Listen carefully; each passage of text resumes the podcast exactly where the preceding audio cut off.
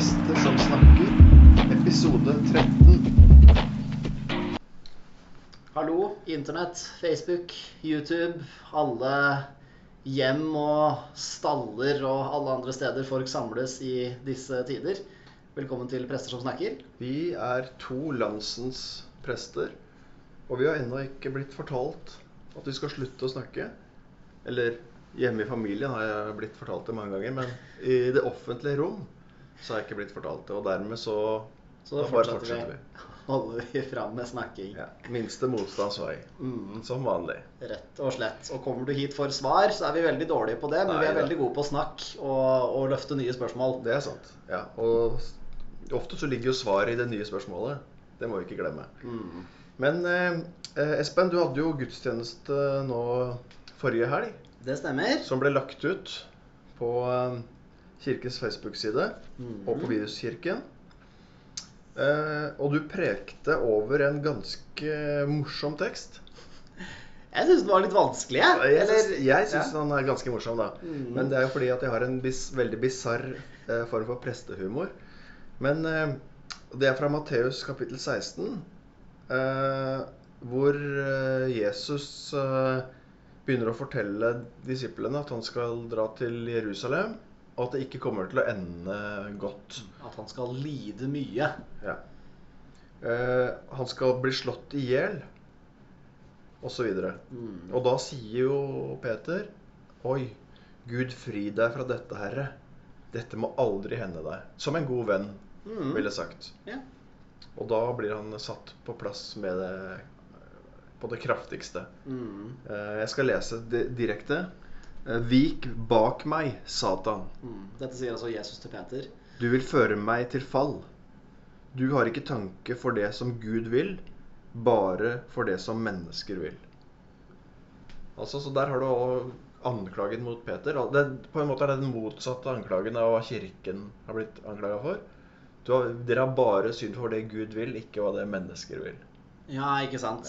At, uh, At vi er over... Viktig å finne en balanse der, kanskje. Ja, Men er, her er det ikke noe snakk om noe balanse. da. Nei. Her er det Er det rett inn. Gud Altså- all the way? Ja. Vik bak meg, Satan. Det er, og da, da Vi sier jo at ofte at Peter er eh, Jesus sin venn. Mm. Men her er det ikke vennskapsrelasjonen. ikke sant? Dette er ikke, det er ikke vennskapsrelasjonen som kicker inn her. Her er det eh, en ganske heftig eh, reprimande. Mm. gikk bak meg. Absolutt. Og det var jo Altså, I prekenen så la jeg fram én av mange tanker jeg har om teksten. Dette at eh, det viktigste Jesus deler med Peter her nå, er bare nødvendigheten i det oppdraget han har. Men jeg har lest mange andre interessante tolkninger på det også. En av de er jo f.eks. at her finner vi litt av det samme som da Satan frister Jesus i ørkenen tidligere, hvor den siste fristelsen som får eh, Jesus til å på en måte drive Satan vekk, det er at Satan tilbyr Jesus du kan jo slippe å dø. Han tilbyr han å kaste seg fra en stor høyde, og så vil på en måte engler redde han så han ikke skal dø.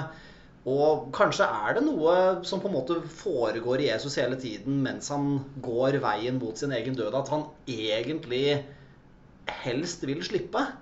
Og at det er grunnen til at han reagerer så kraftig som han gjør mot Peter, for å på en måte ikke på en måte engang la tanken bite seg fast, liksom, men bare umiddelbart bare avslå hele ideen om at nei, jeg må dø, Peter. Det er det viktig at du skjønner. Og så tror jeg at det, det En ting er jo det menneskelige prosjektet. At Jesus eh, fra Nasaret skal dø på et kors. Mm. Det, det kan man jo forstå at en opprører eller at en eh, leder for et eller annet slags en bevegelse dør uh, for det han tror på og står for. Mm. Men det er når du kobler inn det der store bildet, hvor det det er snakk om uh, han som skal ta på seg verdens skyld og dom, og han som skal overvinne dødskreftene Mm. i vår tid. Ja. Det er liksom, det er en sånn kosmisk kamp, og det syns jeg var litt uh, artig. da. Det du gjorde i prekenen din. Du trakk inn Frodo ja. fra 'Ringenes herre'. Mm. Og for der har du der har du også den lille fortellingen i den store fortellingen. Mm. At det er en, en liten uh, hobbit som, skal, som har fått oppdraget å redde verden da, fra ondskapen. Eh, og i og, for, for seg så er det jo en liten fortelling om en fyr som reiser rundt og har venn, får venner og alt sånt. Men ser du det store bildet, så er det jo eh, avgjørende Mm. at han når fram og løser oppdraget. Og Ja. da synes jeg, Derfor syns jeg det var en, et veldig bra bilde. da. Mm. Det, Og, og jeg tenker jo særlig 'Ringenes herre', og den går jo aldri helt over i det, for det er jo episk, mytisk historiefortelling. Men altså, det er veldig mye elementer av tragedie i det også. Litt på samme måte som f.eks. i 'Romeo og Julie'. Altså at eh, en, altså noe som på en måte ikke han er skyldig, blir lagt på han. I 'Romeo og Julie' så er det jo at familiene deres er uvenner, ikke sant? og det må de lide for. Og på samme måte også i 'Ringenes herre' så må jo Frodo på en måte lide for alt som har skjedd før han. At ikke ringen ble ødelagt før. At ikke de mange sjansene man hadde til på en måte å få slutt på ondskapen, bare ble tatt.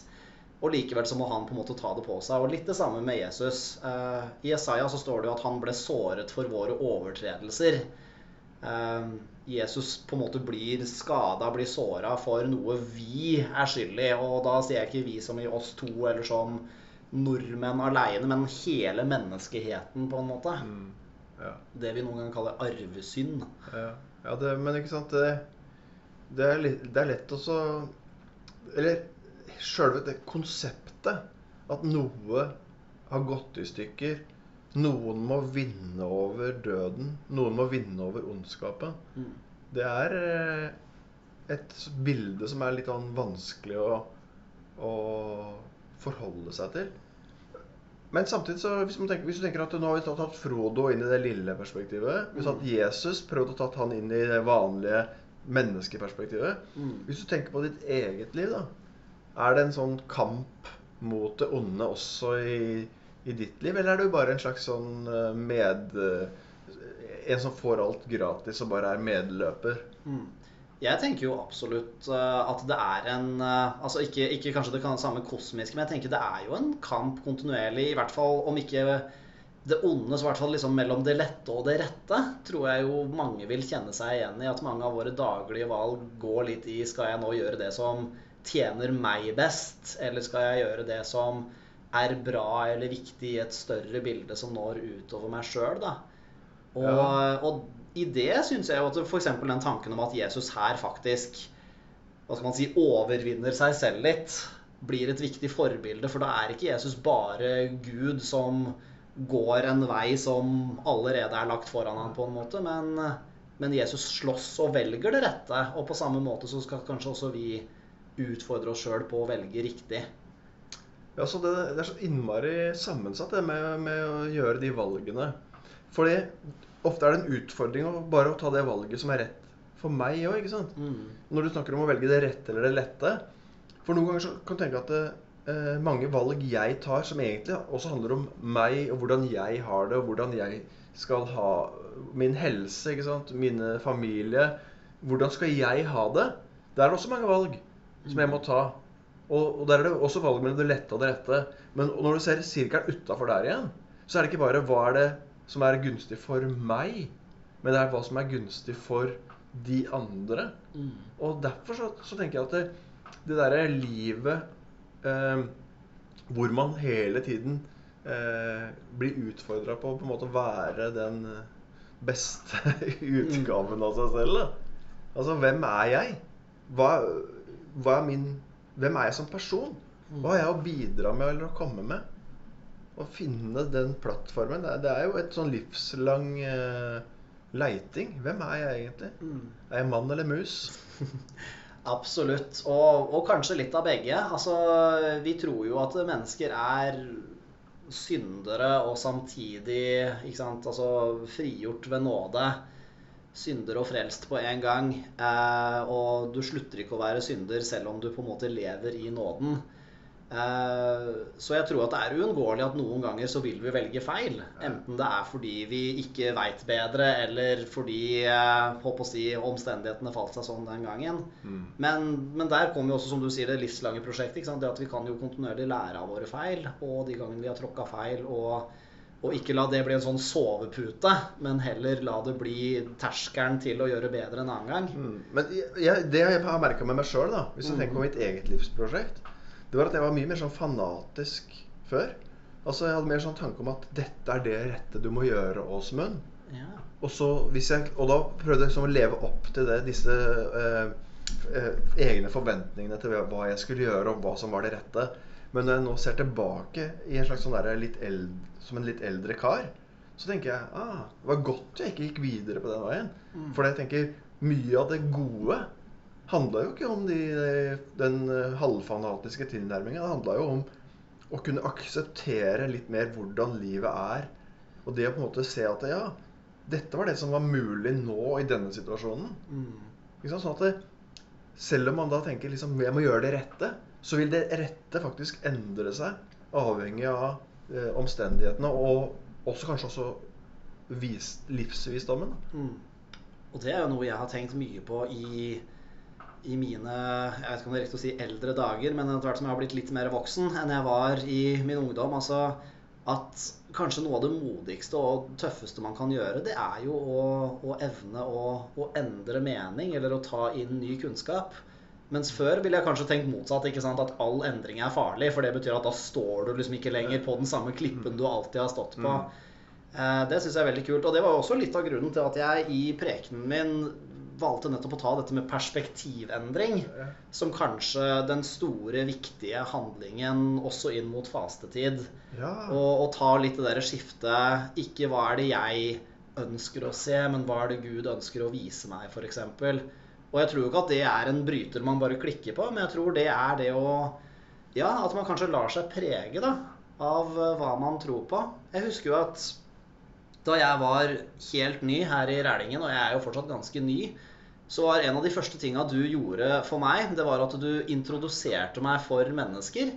Og noen av de menneskene tenkte jo jeg med meg selv at noen av de så ut som de hadde hatt litt, litt slitne liv, eller på andre måter på en måte hadde et, et, veld, et veldig annet utgangspunkt enn det jeg har sjøl hatt. Og du snakka de så veldig opp. Her er det en som er skikkelig glad i fotball, og som digger det. Og her er det noen som bidrar så mye med dette og dette og dette. Og, og det gjorde jo at jeg tok meg liksom til å tenke at du, Åsmund, du ser folk på en veldig unik måte. Eh, eller kanskje tillater deg å bli kjent med folk, så du ser mer og mer av de sidene. da. Og jeg tenker det er jo en, en perspektivendring jeg kan ta lærdom av. Ja, men jeg, jeg tror at det, det er sånne ting som jeg ikke ser sjøl. For jeg tenker jo at jeg har utrolig mye å gå på eh, der. Og det er jo typisk at man utfordrer seg sikkert på de stedene hvor man ikke er så bra. For jeg tenker at eh, eh, Men det er, veldig, det er jo et veldig bra skussmål å få da, fra en som kommer inn et sted. Så det jeg har ikke lyst til å så Jeg har lyst til å på en måte tenke at ja, sånn er i hvert fall, det er i hvert fall et, en måte jeg har lyst til å være på. da. Og, og selvfølgelig altså det at man det at La oss si du, du har gått et stykke lenger i denne veien enn jeg har gjort, kanskje betyr jo på ingen måte at man er ferdig med å gå. Nei. Man eh, altså Den vanskeligste tingen tror jeg for meg i starten å bare godta med det å være kristen, tror jeg, det var at det er ikke en sånn ting man bare blir ferdig med. Jeg, er, jeg har alltid i livet mitt vært veldig glad i liksom, at du har sånne små prosjekter som du kan si at nå er jeg ferdig med det, nå kan jeg gå videre. Det får du ikke med kristendommen. Men man kan jo kanskje si at det er fordi kristendom er så innvevd i livet. Det er ikke sånn med livet heller, at du bare er ferdig.